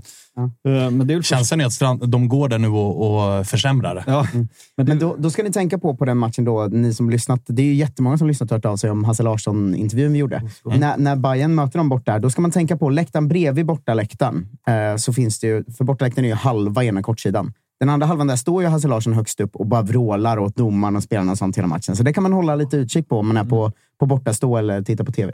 Ah, Okej, bra anekdot. Ja. Bra anekdot. Eh, ja, men vi får se. Det är ju glädjande att vi fan redan i mars kan spela på eh, gräs. mm, ja, om, om vi nu kan det. Vi får, får se hur det ser ut. Ah, det kan, nästa kan, år, kan vara eh, potatisåker. Eh, Malmö har ju tagit årsmötesbeslut på att eh, även kuppen ska spelas på gräs från och med nästa år. Så att man ska börja förbereda så att, från match ett, så att Malmö inte ska spela något på konstgräs. Va? Kämpa, vaktmästarna. Ja, verkligen. Då är det läge att bevisa det här jävla kontinentsnacket de kör med Ja, men, hela tiden. Men som, eh, som man älskar sådana årsmötesbeslut. Ja, ja, Det, ja. det ska aldrig regna på lördagsmatcherna. Nej. Vi är glada att Tuttosvenskan görs med våra vänner på HelloFresh. Och många där ute, inklusive oss, börjar kika på att använda mer växtbaserade och hållbara ingredienser när det kommer till just matlagning. Och nu har våra vänner på HelloFresh via sitt nya samarbete med Oatly nöjet att presentera massa nya rätter på veckomenyn med just Oatlys havrebaserade i-mat. Och varför i-mat, Dage? Ja, men det är väl kanske en fråga man ställer sig. Men det är ju så att det är en ingrediens med 61 procent mindre eh, CO2-utsläpp och 83 procent mindre mättat fett än traditionell grädde. Så det är ett väldigt bra substitut. Ja, men och denna vecka så har vi kollat på HelloFresh hemsida och eh, botaniserat lite kring recepten som innehåller just i-mat. Och min tydliga, tydliga favorit är den soltorkad tomat rigatonin som ju har då lite soltorkade tomater, det är körsbärstomater, det är rucola, zucchini, riven ost. Ja, men ni hör, en väldig massa smaskiga grejer som blir en krämig pasta. Och just att använda rigatonin, Freddy, som jag vet att du gillar också, som just suger upp all den här såsen. Mm, den är en favorit hos mig. Verkligen, och jag gick faktiskt händelserna i förväg och testade redan förra veckan deras medelhavsinspirerade räkgryta med just i-matsåsen och sen lite, lite, lite fint långkornigt ris. Eh, och Agge, vi har ju som vanligt en kanonkod också med våra vänner på HelloFresh. Den, den, den, jag hoppas att folk kan nu. Ja, det är ju Fresh Tutto. Du får upp till 1359 kronor i rabatt på dina fem första kassar om du inte har prövat HelloFresh ännu. Plus fri frakt på den första matkassen. Och det som är så bra, har du inte använt HelloFresh på över 12 månader så gäller koden även dig. Så gå in på hellofresh.se och lägg en beställning på en riktigt fin matkasse redan nu. Testa HelloFresh, testa Oatlys i-mat. Vi säger stort tack HelloFresh. I'm Sandra, and I'm just the professional your small business was looking for. But you didn't hire me because you didn't use LinkedIn jobs. LinkedIn has professionals you can't find anywhere else, including those who aren't actively looking for a new job but might be open to the perfect role, like me. In a given month, over 70% of LinkedIn users don't visit other leading job sites. So if you're not looking on LinkedIn, you'll miss out on great candidates like Sandra. Start hiring professionals like a professional. Post your free job on linkedin.com/achieve slash achieve today. When you make decisions for your company, you look for the no brainers. And if you have a lot of mailing to do, stamps.com is the ultimate no brainer. It streamlines your processes to make your business more efficient, which makes you less busy. Mail checks, invoices, legal documents, and everything you need to keep your business running with stamps.com. Seamlessly connect with every major marketplace and shopping cart. Schedule package pickups and see your cheapest and fastest shipping options from different carriers. With rates up to 89% off USPS and UPS rates. And with the Stamps.com mobile app, you can take care of mailing and shipping wherever you are. Make the same no brainer decision as over 1 million other businesses with Stamps.com. Sign up with Code PROGRAM for a four week trial, plus free postage and a free digital scale. No long term commitments or contracts. That's Stamps.com. Code PROGRAM. Men ska vi dra en breaking innan vi ringer Kalmar, eller? Vadå? Nytt jobb för Bartosz ju. Ah, just det. Ja, ny tränare för ungerska klubben Fervar. Det är ändå... Hej, alltså det är inte många svenska tränare som får utlandsjobb. Nej, han är gammal. det är väl någon slags halvstor klubb också, tror jag. Alltså, de har funnits väldigt länge och liksom ligger i högsta serien och brukar göra. De är dock på nedflyttningsplats nu, kollar jag upp. Så Bartosz ska ner och rädda kontrakt då. Och nu har vi faktiskt en svensk koloni i Ungern ju. Det är han, Jonathan Levi och Jack Lane på lån där nere. Ah. så att eh, det får vi Men jag absolut Bartos inte. hade väl precis kritat på som expert va, för Discovery, men Den tar väl Stare nu bara rakt av. Smärtfritt. Rätt in bara. Inga Ja, problem. verkligen. Men eh, vadå, han börjar jobba i sommar? Sa du det? Eller ska han... Han, är klar, han börjar jobba nu? Nu. Ah, Okej, Ja, ah, då han så. är Fan. ny huvudtränare för Mål Förhärvar. Önskar vi, eh, önskar vi den otroligt trevlige Bartosz ett stort eh, lycka till på Mm. eh, sitt nya jobb. Jag, jag trodde ändå att han skulle vara närmare Blåvitt-jobbet. Ja, jo. Ja, det är ju två före detta storklubbar. Så att han valde Ja, mellan. och han har ju liksom AIK-kopplingen som krävs för att få vara tränare i Blåvitt. Exakt. Så att och liksom, eller Häcken, om Högmo drar. Men man, fan vad man inte jobbar att uh, Ungern ska bli ett nytt sånt land många svenskar drar till. Man orkar inte börja följa den ungerska ligan. Alltså, jag har redan problem att palla följa den polska som jag börjat göra nu. Nej, men däremot jobbar man ju stenhårt att Högmo drar. Till Midtjylland. Ja, ja, vart han vill. Han får gärna dra till Ungern. Han behöver inte följa ändå. Nej, nej, det är hög. Nej, det är det jag menar. Eh, Det är det Men jag menar. Häcken. eh, Det skulle vara bra om Häcken, Bayern, egentligen Djurgården, AIK. Ett gäng till där fick lite bakslag nu. Det skulle vara bra för serien tror jag. Framförallt Häcken och Bayern. Det ser för, det ser för bra ut.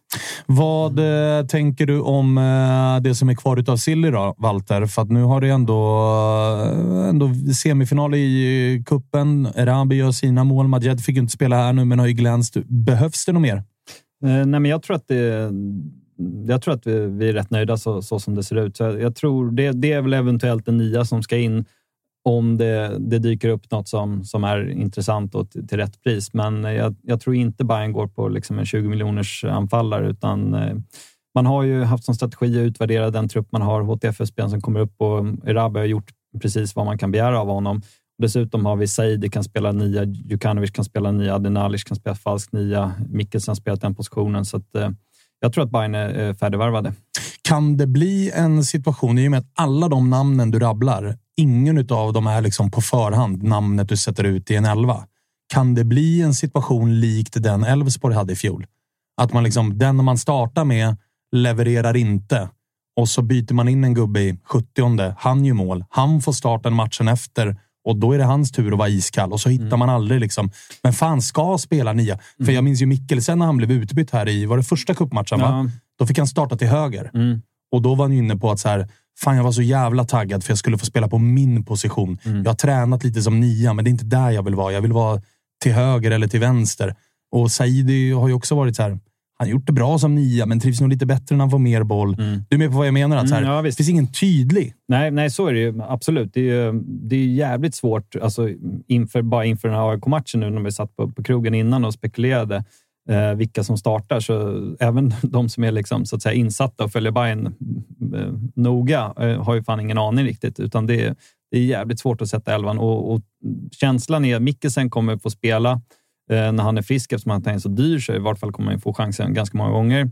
Och eh, Marti har ju hyllat Adnalic eh, rätt mycket tycker jag på försäsongen. Eh, trots att han liksom inte varit med fullt ut. Så att, eh, han känns också som att han kommer att spela. Känns inte högerplatsen given till Mikkelsen när han är hel? Vänsterplatsen till Djukanovic när han är hel?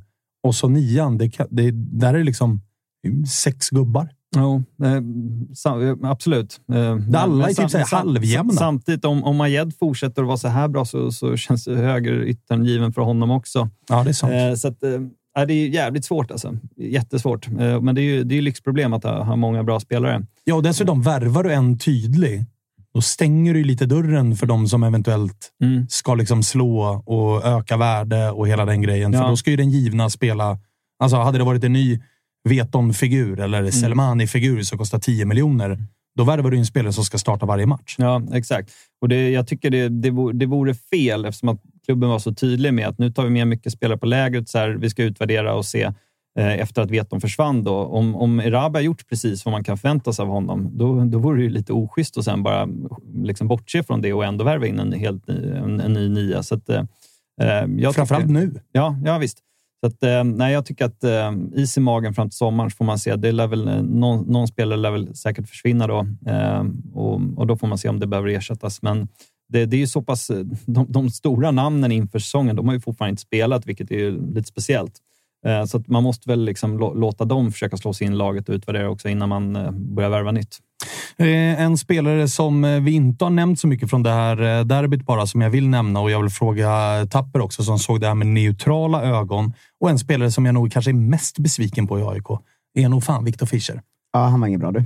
Jag alltså, man ser man att han är jättebra, men man ser också att han kommer inte riktigt till sin rätt i den här matchen. Exakt, men det, en grej med honom som man la märke till var ju det här luddiga som man bara ser på plats, men som är hur rätt en spelare kan ligga på plan och hur man kan se att någon förstår fotboll. Liksom, som vi har pratat mycket om med så här, de bästa spelarna, AC och Sigurdsson och, och även Besara och, och vad det än är, att man ser att så här, fan vad han ligger rätt och han fattar vad som är på gång här och så där. Det tyckte jag man såg på honom att så här, det finns en fotbollshjärna som är kanske en nivå över många andra. Men spelmässigt så kommer han inte in i den här matchen alls, tyckte inte jag.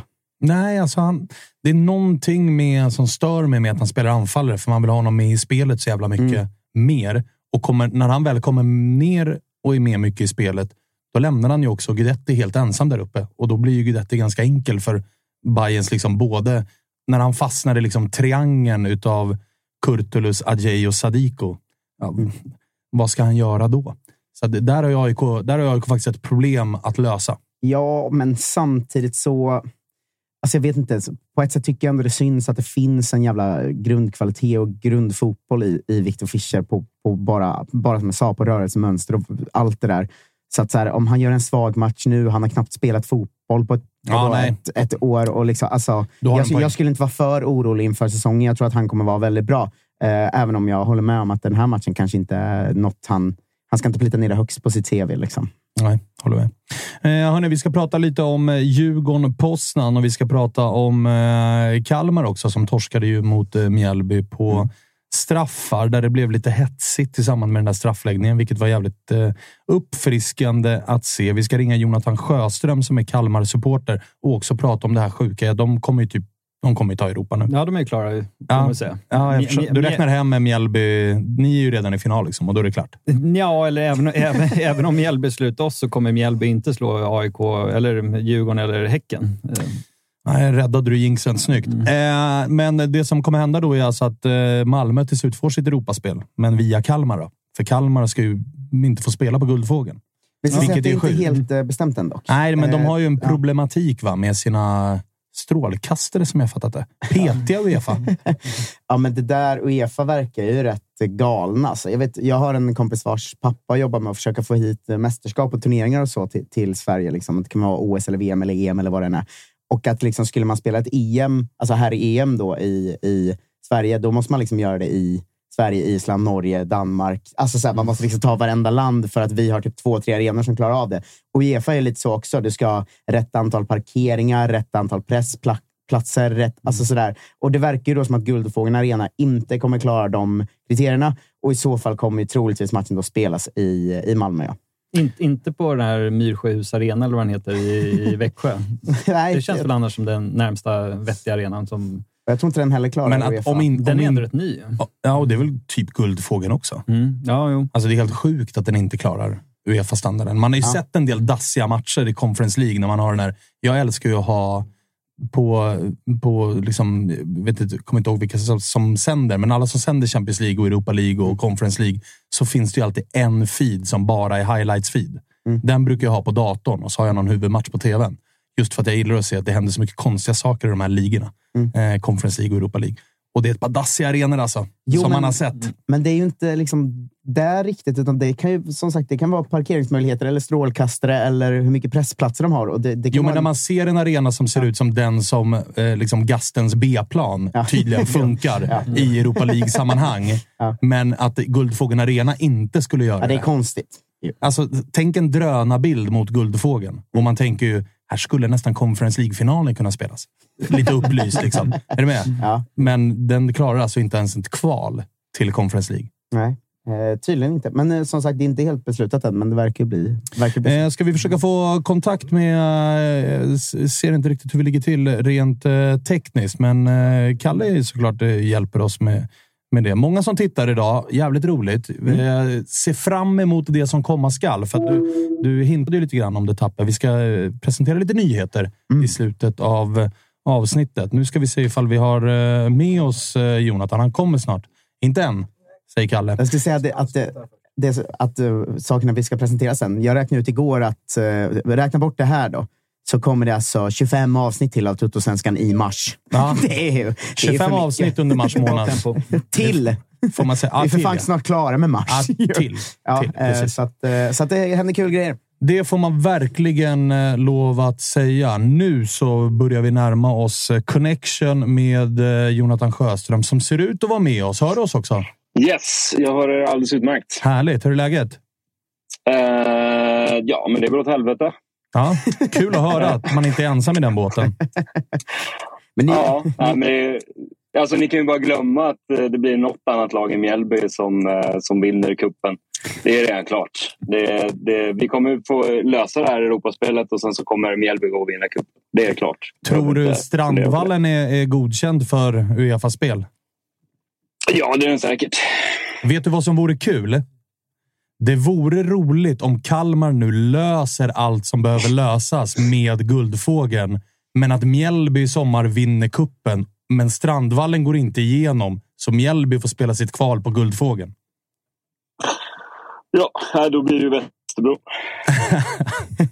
Raka vägen. Men, men, du, kan du ge oss en... Nej, men det, det, det, säkerligen, det kan säkerligen bli så. Eh, vi, kommunen går in och pumpar in massa pengar och löser det där och sen så eh, vinner Mjällby eh, både mot eh, eh, Bayern och eh, eh, Häcken i en eventuell final. Då. Det skulle inte förvåna mig ett ögonblick. Du, eh, den här matchen då mot eh, Mjällby, vad, vad säger du om ja. den? Ja, men jag tyckte att eh, ni summerade det rätt bra i eh, måndagens avsnitt. Att eh, Mjällby var väldigt mycket Mjällby och de är jävligt bra på att vara Mjällby. Vi har ju kroniskt svårt att spela mot Mjällby också, ska man ju ha klart för sig. Vi kan inte minnas eh, när vi vann mot dem senast. Det brukar alltid vara en klump i magen när den matchen kommer upp i spelschemat. Eh. Nu försvann du. För en kort stund. Verkar som att det har lite strul på linan här. Kom upp någon form av varningssymbol här. Det brukar inte vara positivt, va Tapper? Nej, så himla deppigt om det första gången han ska vara med och prata Kalmar om han bara får hinna säga Eh, liksom att allt är skit och de förlorar mot Mjällby. Man vill ju ändå hinna fråga om eh, Rajovic och sådär också. Ja, verkligen. verkligen. Vi, uh, försöker, vi försöker testa igen här. Om du klickar på ans... Ah, ja, nu så, nu så. Vi testar, vi testar och ser. Vad fint att han tog ut segern för, för Häcken där redan. Ja, verkligen. Hallå. Nu så, testar vi igen. Yes. Ja, eh, fortsätt. Du var inne på matchen. Ja, nej, men jag, jag tycker väl att eh, Mjällby var eh, gjorde det som de gör bäst. Alltså, det vill säga de, eh, de spelade fysiskt och de gav oss väldigt lite ytor. Eh, spelade extremt disciplinerat i, i försvarsspelet och vi kom väl inte... Vi hade inga direkta lösningar på det i söndags. Eh, vi försökte slå de långa bollarna, men eh, eh, direkt, vi spelade lite mer direkt men eh, fick inte något egentligt bra utfall på det och jag tycker i, i slutändan att eh, Mjällby skapar mer för att vinna matchen på ordinarie matchtid och straffläggningen blev en, en livlina för oss i stort sett. Vad eh, drar du för, eller drar du några större växlar av att ni åker ut mot eh, Mjällby? Eller, för det har ju varit liksom det är ju ändå en liten oro med tanke på att Oliver Berg är borta och Rydström är borta. Och Visst, det har hämtats in ett par. Framförallt eh, Mileta Rajovic på topp har sett bra ut här, men, mm. men nu när ni åker ut mot Mjällby, liksom, hur är känslan inför säsongen? Alltså det, det både och ska jag säga, för att eh, det kändes som att det var eh, hybrisvarning, eh, röd i eh, eh, innan Mjällby-matchen. Och jag tror att det kanske kan ha varit lite nyttigt för dem att få näsbränna innan säsongen börjar. Men samtidigt är det ju aldrig kul att eh, åka ut i en kvartsfinal. Liksom. Det, det, är ju eh, fruktansvärt tråkigt. Eh, det ska bli intressant att se hur vi hanterar eh, Malmö-premiären. Eh, vi kommer väl ha lite mer ytor och kanske kunna nyttja eh, den direkta bollen lite bättre eh, mot ett spelförande Malmö. Men Alltså, vi hade ju problem hela första halvan av förra säsongen att slå eh, lag, så det är inget, inget nytt. Eh, Mjällby spelar precis så som man kan förvänta sig att man ska spela mot Kalmar FF. Eh, Och eh, de gjorde det jäkligt bra. Så att, det är både och. Eh, jag tror inte, det gav mig väl inte någon sån där jättestor eh, förhand. Jag tror att vi kommer få ett, eh, ett tuffare år i år. Jag är nöjd om vi kommer någonstans 9-10 så jag tycker jag att vi har, ett, gör ett godkänt år ehm, och undviker någon form av bottenstrid i alla fall. Har du på känn att det kan dyka in något nyförvärv till innan säsongen drar igång? Eller är det den här truppen som ska göra det? Eh, det är väl förhoppningen. Jag har inget, eh, inget namn så som, eh, som jag känner till direkt. Jag vet att Jensen pratar om det i Barometern, lokaltidningen. Att det eventuellt kan komma att värvas någonting mer innan, innan fönstret stänger. Däremot så vet jag också att man man är noga med sina värvningar. Man värvar inte bara för att värva utan det ska vara rätt pris och rätt spelare. Så att det kan kanske komma in något mer men jag skulle inte bli förvånad om, om eh, vi stänger fönstret med den här truppen. Ja, inte eh, jag heller ska jag säga. Du ser ut att vara sugen på att säga något Tapper. Nej, men jag tänkte bara fråga om uh, Gustafsson. Karl i förnamn för er som lyssnar. Han tycker jag mm. är en av allsvenskans uh, low key liksom bästa centrala. Jag tycker han är otrolig. Alltså, snackas det något ut om honom eller kommer han vara kvar för alltid? Liksom? Ja, ja. Nej, men om vi, om vi ska bara ösa på med elände då så går ju hans kontrakt ut efter, efter säsongen. Eh, så han får väl möjligheten att prata med klubbar nu i, i, i sommar om vi inte lyckas förlänga hans kontrakt. Eh, så jag, eh, jag tror att han lämnar i sommar för vi behöver få in pengar. Vi behöver kapitalisera på mm. framförallt de spelarna som har kommit via eh, vår egen akademi. Men, eh, men det snackas ingen förlängning då eller? Det, ja, det gör det. Det, det finns en dialog eh, som Jörgen, eh, sportchef Jörgen eh, eh, har sagt vid flera tillfällen. Han sa väl även om, om eh, Rydström om jag inte minns helt fel. Och, ja, det kan betyda lite vad som helst. Men, men, men eh, jag, det finns en dialog. Sen så tror jag väl kanske inte att Kalle förlänger. Han förlängde ju redan för ett år sedan ungefär. Så förlängde han ju sitt kontrakt med ett år. Då. Så att det här är ju det, det året som han spelar på nu är ju en förlängning. Eh, och eh, jag tror att man kanske hade försökt räknat med att försöka sälja honom nu i januari men det har väl inte presenterats tillräckligt bra bud. Eh, så att jag tror att i sommar blir det nog Eh, antingen förlänger han eller så, så försvinner han. Jag tror inte han är kvar i november eh, och att han går som bossman efter säsongen. Du, eh, vi har ju raljerat lite grann om eh, arenan, men vad, vad är, är ja. strålkastargrejen som är grejen? Och vad är senaste nytt som är sagts om, om det? Eh, alltså, grej, det som är problemet för första kvalomgången, om jag har förstått det rätt, eller den kvalomgången som eh, Kalmar FF då, eh, eller Mjällby kommer gå in i. Um, där är det strålkastarljuset som är för svagt. Uh, Uefa har sedan Guldfågeln byggdes ökat kraven. Uh, så uh, våra strålkastare är inte tillräckliga eh, längre. Sen är det vändkors som också måste installeras. Om jag förstod det rätt. Så det är de två sakerna som är de åtgärderna som måste lösas. Och det senaste är väl den nyheten som kom ut igår i Barometern så eh, meddelade Marcus Rosenlund, då, för det var den informationen som föreningen hade, eh, att eh, det här behöver vara klart 31 i tredje då, alltså om 16 dagar. Oj. Så behöver de här åtgärderna vara klara. Ehm, det har reviderats idag att det som deadlinen som är den 31 tredje är Eh, vilka arenor som Kalmar FF ska anmäla till Uefa då, som potentiella spelplatser. Och då är det då en huvudarena, vilket då kommer bli Guldfågeln naturligtvis. Men också eh, en reservarena och där är det väl Eleda. Då. Sen så kommer Uefa inspektera eh, Guldfågeln eh, och komma med feedback. Eh, och vi får presentera en åtgärdsplan eh, som behöver vara löst normalt sett om jag förstod eh, svaret från SVFF som publicerades i Barometern det deadline för att lösa det brukar vara i juni någonstans. Så vi har ju fått inom citationstecken lite tid. Eller kommunen som äger arenan har fått lite tid eh, extra att försöka lösa det här. Då. Vad eh, säger magkänslan då? Kliver kommunen in och, och löser vändkors och, och, byter ut lamporna i de där strålkastarna? Eller vad tror du? Ja, alltså, som jag förstår det, gällande strålkastarna så fanns väl två lösningar. Eh, en var att man skulle rikta om nuvarande belysning på något vis. Eh, jag, är, eh, jag är en kontorsråtta så jag förstår typ ingenting av eh, fysiskt arbete. Så att, men det ska, väl, det ska väl gå på något sätt. Då. Att rikta om eh, eh belysningen samt förstärka armaturen och även då byta ut vissa av lamporna för att få tillräcklig luxnivå då, som det handlar om eh, för eh, Europa-tävlingar. Alternativ två det är att man förstärker belysningen på långsidan. Eh, det är dock en stor investering. Och det var som någon, någon skrev på Twitter att det har liksom tagit Kalmar kommun 40 år att sätta upp eh, tillräckligt med belysning på vissa parkeringsplatser i stan så att de ska lösa det på två månader känns osannolikt. Ehm, men eh, ja, vi får väl se vad det tar vägen. Kalmar Twitter är rätt gnällig, va? Som du pratar om. Tapper har en del att säga om Du är Kalmar superpopulär på Kalmar Twitter, Tapper. Ja, det har vänt lite. Jag blev utsedd till eh, årets eh, Kalmarit i någon omröstning där såg jag. Och årets mest hatade man i Kalmar i en annan. Det är samma sak. Bara så att du vet. Ja, precis. 100 procent samma sak. Men, eh, men du var ändå nere på något gig där i Kalmar. Det var ju vågat av dig att komma ner. Då. Ja, jag blev, men då blev jag bjuden till eh, på en cigg utanför McCool, men jag gick inte dit. För jag var rädd att det var en sån fälla bara. Skulle låna Josips skottsäkra väst. Exakt.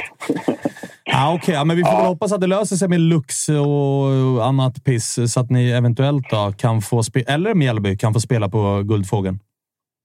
Ja, ifall Mjällby tar sista platsen så då, då, då spränger jag hellre redan än att eh, äh, lösa det tills Men jag vill också bara påpeka att det som, det som gör att många medlemmar i Kalmar FF är äh, lite irriterade även på föreningen äh, det var att vi hade årsmöte i, ehm, i måndags kväll, eh, dagen innan det här briserade då i, i Barometern.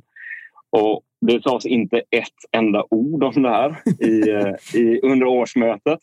Eh, jag var nere på det, jag bor, bor i, i Stockholm vanligtvis, eh, men jag var nere i och med att jag var nere och kollade på matchen men stannade kvar för att kunna gå på årsmötet.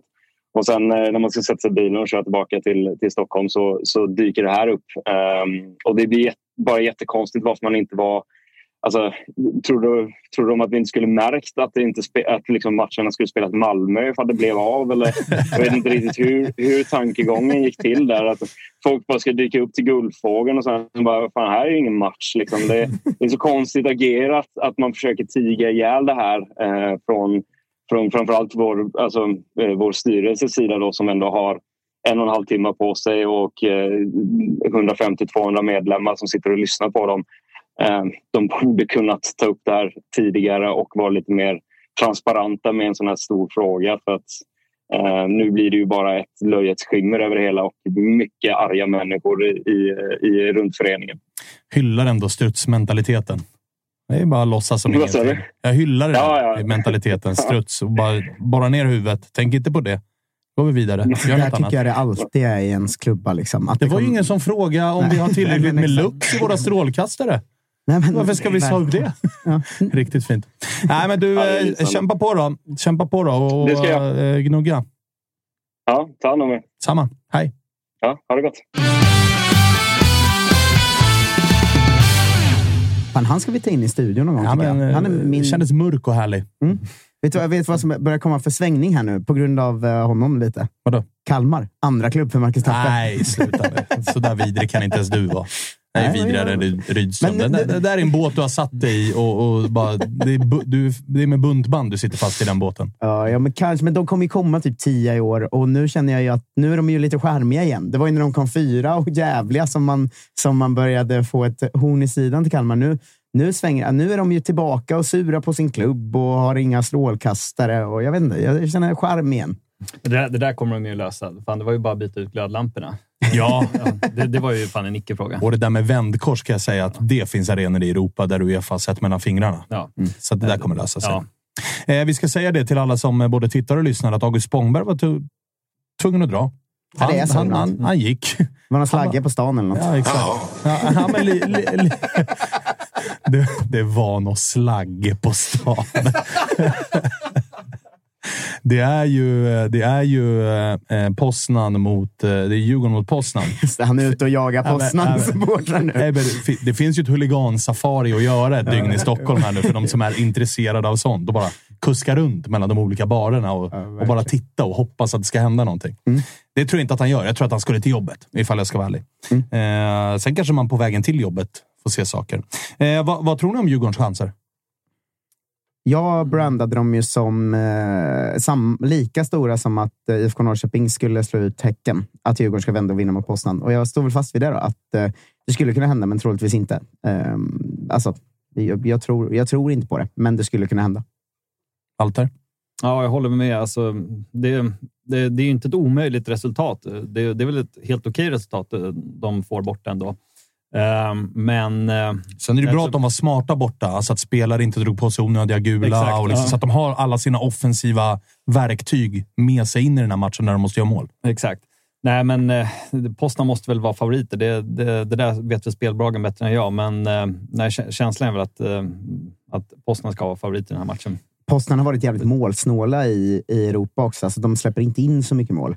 De höll nollan över två matcher mot både Glimt och det såg inte jättebra ut då heller, men, men de är svåra att få hål på. Liksom. Och Djurgården måste göra två för att ta det till förlängning ens eh, mot ett lag som, som varit väldigt defensivt bra. Så det är en tuff utmaning. Och sen så här, Djurgården har en superkvalitet och som vi sa, att så här, höstens Djurgården hade kanske till och med vunnit den här första matchen, tror jag.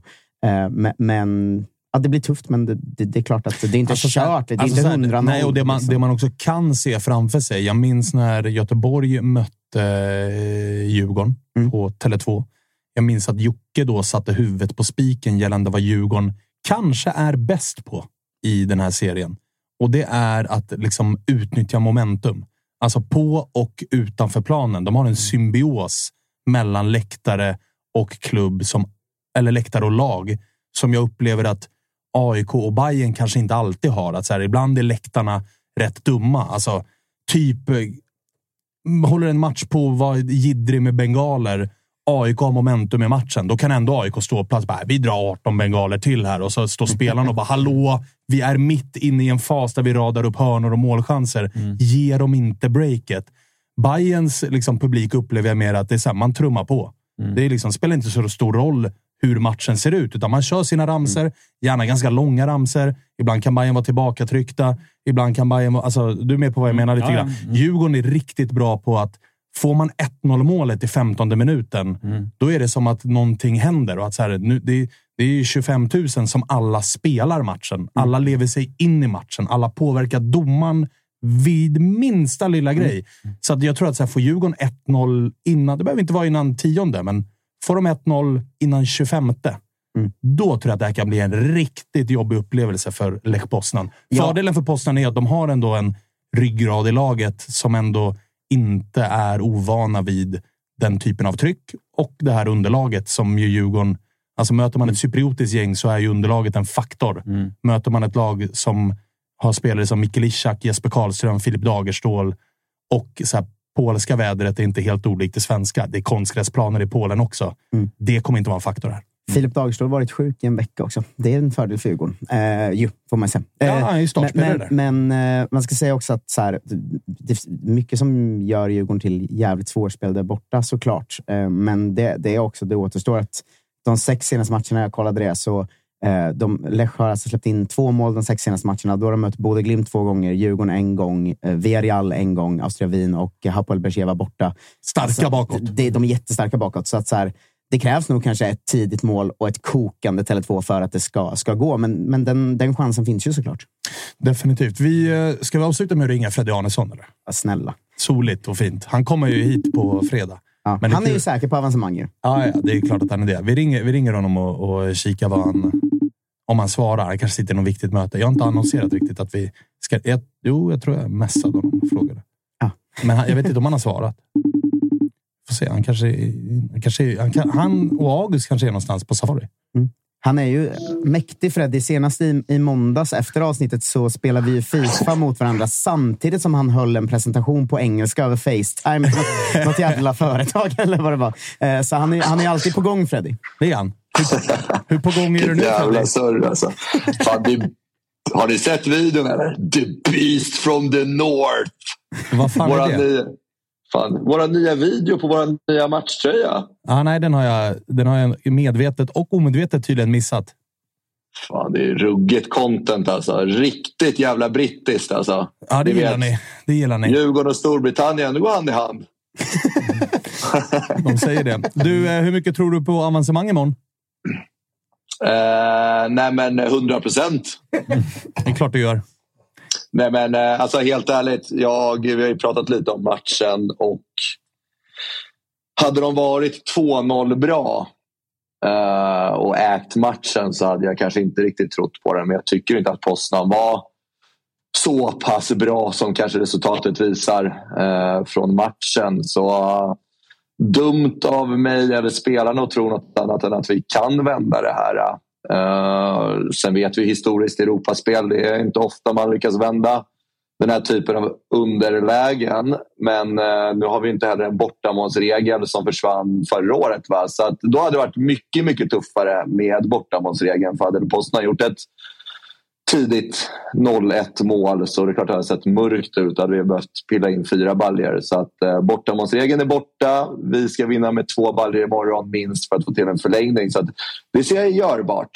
Delar du min bild om att Djurgården behöver det första målet och att det åtminstone måste komma i första halvlek för att man ska få liksom publik med sig, momentum, få Poznan lite skärrade. Tappe var inne på att det är ett lag som har släppt in två mål i Europa den här säsongen. De har ändå mött Bode Glimt som är offensiva. Man har Senaste mött, sex. De Ja, släppte senaste fyra sex. mot Villarreal första matchen. Sorry, senaste sex. Men de har ändå mött eh, liksom, Villarreal, Djurgården, Bode Glimt gånger två, Åstria, Wien. De är tajta bakåt. Får ni in första målet, får publiken i ryggen, Poznan lite halvt eh, skärrade, stressade och nervösa. Att det är det som krävs här. Ja, absolut. Då är det berömda odjuret väckt. Nej, men så här, skämt åsido. Eh, det, det, det är väl klart. Det är väl så, så tankegångarna går hos mig och många andra. Sen har jag också hört från, eh, från andra att eh, fan, det kan komma mycket väl i 80 minuten och vi kommer lyckas pressa in en 2-0. Men jag tror att, att ju längre matchen går desto tuffare kommer vi få att komma igenom deras försvar. Eh, Och och de dessutom- kommer gju- gjuta mod i att liksom, fan, vi kommer klara det här. Så jag tror att en, ett, ett tidigt mål kommer skapa förvirring och framförallt stress hos dem. Sen är de såklart att de, de är så pass professionella så att stressen kanske ingenting som kommer påverka liksom deras, deras eh, prestation. Men jag tror att det kan skapa en, en, en förvirring och framförallt också underlaget. Eh, jag tror inte de är jättevana att spela på den typen av underlag. Bodö Glimt tror jag spelar faktiskt på en gräsmatta. Eh, så jag vet inte hur mycket matcher de har på den här typen av underlag heller. Jag tror Bode Glimt är konstgräs. Skit i det, men jag tror så här att era 120 minuter i benen mot Malmö tror jag gör också att ni behöver det där. Jag delar inte den bilden som du meddelar att många djurgårdare har, att det räcker med 1-0 i 80 Jag tror att mentalt, eller fysiskt snarare, så tror jag att det finns inte kräm nog att orka gå för det om det står 0-0 i 80 minuten. Med liksom bortamatch Poznan för en vecka sedan, 120 minuter i benen mot Malmö.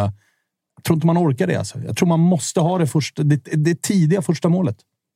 Jag tror också det. Jag tror också det. Eh, men men må, många säger liksom att ja, får vi in ett 1-0 i 80 minuten så kommer kraften från publiken och spelarna gör att vi kommer kunna pusha på. Men när jag delar också någonstans eh, din bild och tanke där om att jag tror att ett, ett tidigt mål är till våran favör.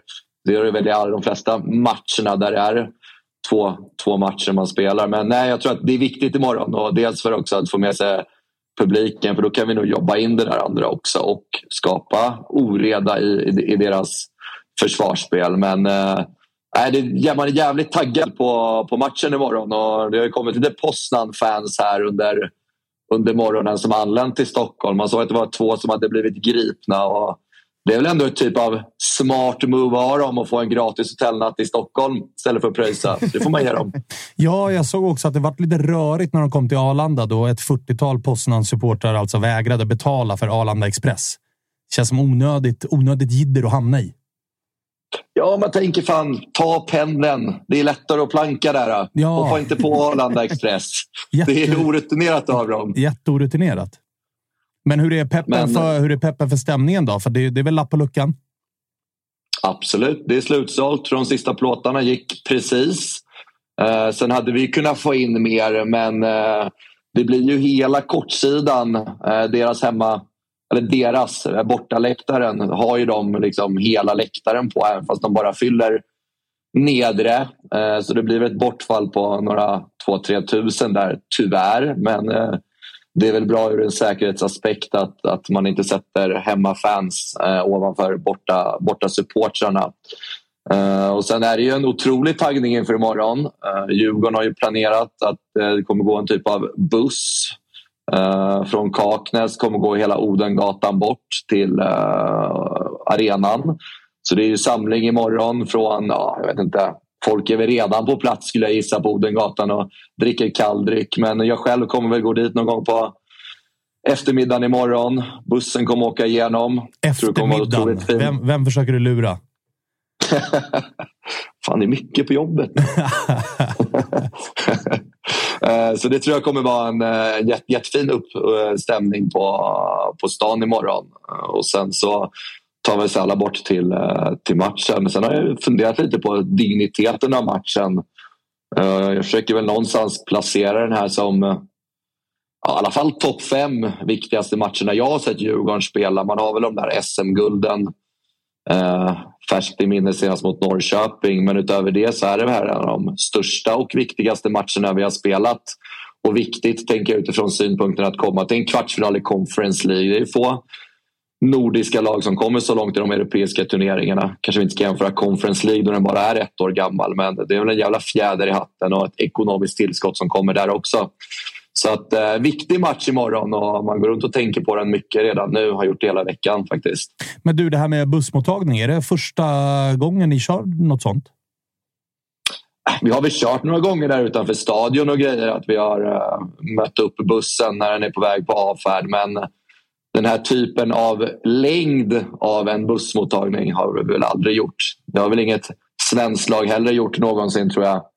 Så där, där är vi väl först. Ja, men jag tänkte så mest med att möta upp bussen inför en match. Mm. Där det, var liksom, det kommer mm. vara karavan. Det finns ju vissa lag som har det som tradition inför årets första match, exempelvis. Det här är ju någonting liknande. Liksom. Ja, jo, men så är det ju. Så är det ju. Sen så ser man ju sig fram, man ser framför sig hela jävla Odengatan eh, brinna imorgon. Men eh, får vi se hur, hur, hur det blir. Men man tänker väl att man har väl en bild. Man har ju sett bilder från när man fyller vägar och bengaler tänds. Eh, så det hade varit jävligt häftigt imorgon faktiskt om man kan få det hela vägen från början på Vallhallavägen där, där Odengatan börjar och sen hela vägen bort till eh, Vasaparken. Så det, det, hade varit jäkligt coolt. Men eh, ja, man får se imorgon hur, de, hur folk har planerat och lagt upp det här. Det ska bli jävligt häftigt i alla fall. Mm, svanen jobbar hemma hör jag. Ja, jag mm, bor ju mm, precis det. där. Det här kommer förstöra hela min dag. ja, det kommer det göra. Det kommer det göra. Nej, fan du och Stefan kan gå ut och kolla på lite grejer. Det blir mysigt. ja, men du Freddy, kör hårt då och var försiktig. De är, ja, inte det ska vi vara. de är inte att leka med. Nej, nej, men fan, det gick ju bra nere i Poznan i alla fall. Så att, ja, uh, men bli inte för kaxig. Imorgon... Nej, nej, nej. Det, nej, det är bra. Vi, är, vi, har, vi har ögon i nacken. Ja, det är bra. Vi ses på fredag då. Det gör vi grabbar. Ha hej. det bra! Hej, hej. Puss, puss. Vi i Tuttosvenskan kan såklart fastställa att Bodö Glimt inte spelar på gräs utan konstgräs. De ligger fan norr om jorden. alltså, ja, jag tror att han blandar upp dem i Rosenborg, ja. som ofta får beröm för sin väldigt ja. fina gräsmatta. Men det är någonting med någon ström där. Jag skippade de lektionerna, så jag har inte riktigt förstått att det är det golfström. Ja, det är golfström. Ja, precis. Det är någon, någon klimatgrej. Mm. Ja, men jag, aha, de spelar på konstgräs uppe i Bodö i alla fall. Det kan vi se. Ja, vi hoppas att Djurgården åker i alla fall. Ja, nu får det vara nog. nu, nu, får de sluta plocka fyrklövrar den här veckan och att, att de också åker mot Häcken på, på söndag. Ja, det, får, det är fan på tiden att det blir en rejäl mardrömsvecka för Djurgården. Ja, verkligen. Kan vi säga att det här blir året de åker ur kuppen, Conference League och allsvenskan? lilla, lilla trippen som skördas. Det vore någonting. Eh, hörni, tack till Simor. De gör det här avsnittet eh, tillsammans med oss. Ni vet ju om att ni ser de stundande semifinalerna i Svenska cupen där det alltså är Mjällby, Bayern och är det Häcken mot Djurgården i mm. Eh, den andra. De ser ni till helgen. Alldeles snart börjar allsvenskan. Då ser man Discovery Plus sändningar, även de med sitt simor abonnemang Superettan också, där Djurgården alltså spelar nästa säsong enligt Marcus Tapper. Eh, vi håller alla våra tummar för det i alla fall. Det ser man också då med sitt simor abonnemang mm. eh, Ny Beck-film. Fan premiär eh, på fredag, Kalle. Det, det blir fan fina grejer det. Jag är taggad. Ja, jag också, jag också. Jag också. Vet ni vad ni ska göra på fredag kväll? Perfekta starten på helgen också. Kanske något för dig, Walter, att ta det lite lugnt fredag kväll inför semin i cupen. Ja, visst. Bra. Eh, hörni, tack för att ni har eh, lyssnat. Vad vill du säga? Eh, Det är över 2000 personer som gått med i våran Allsvenskan Fantasy-liga. Bra. Eh, Den kommer ju, alltså det här är ju på två dagar. Då. Ja. Eh, vilken prestigefylld jävla liga det här kommer vara. För er som inte spelat förut, gör det här till er första säsong ni spelar Allsvenskan Fantasy. Och så går ni med i Tuttosvenskans ligan via ligakoden KU4FCM. Eh, Den här ligan, det viktiga med den är att man kan ju också följa då man kan ju scrolla lite i toppen i säsongen. Så här. kommer man hitta mig ganska högt. Sen kan man scrolla Mig lite också. för att hitta resten av studion en bit ner, tror jag. Ja, men dig och mig kanske. Mm. De andra känns ju riktigt svaga på fantasy, eh, tycker jag. Men gå med i vår liga så att eh, vi är ju redan nu Sveriges största, skulle jag verkligen gissa. Men vi ska ju bli... Det ska ju vara ett monster. Alltså, det ska vara som prestige att vinna Tuttosvenskans 10 liga. 000 ska vi nå, va? Ja, Är ja, rimligt. 2 000 på två dagar. Då ska vi kunna nå 10 000 innan premiär. Mm. In och spela fantasy med er. Härligt. Det var allt för den här gången. Vi hörs igen på fredag. Tack för att ni tittat och lyssnat. Hej, hej. Delade känslor kring Kalmar.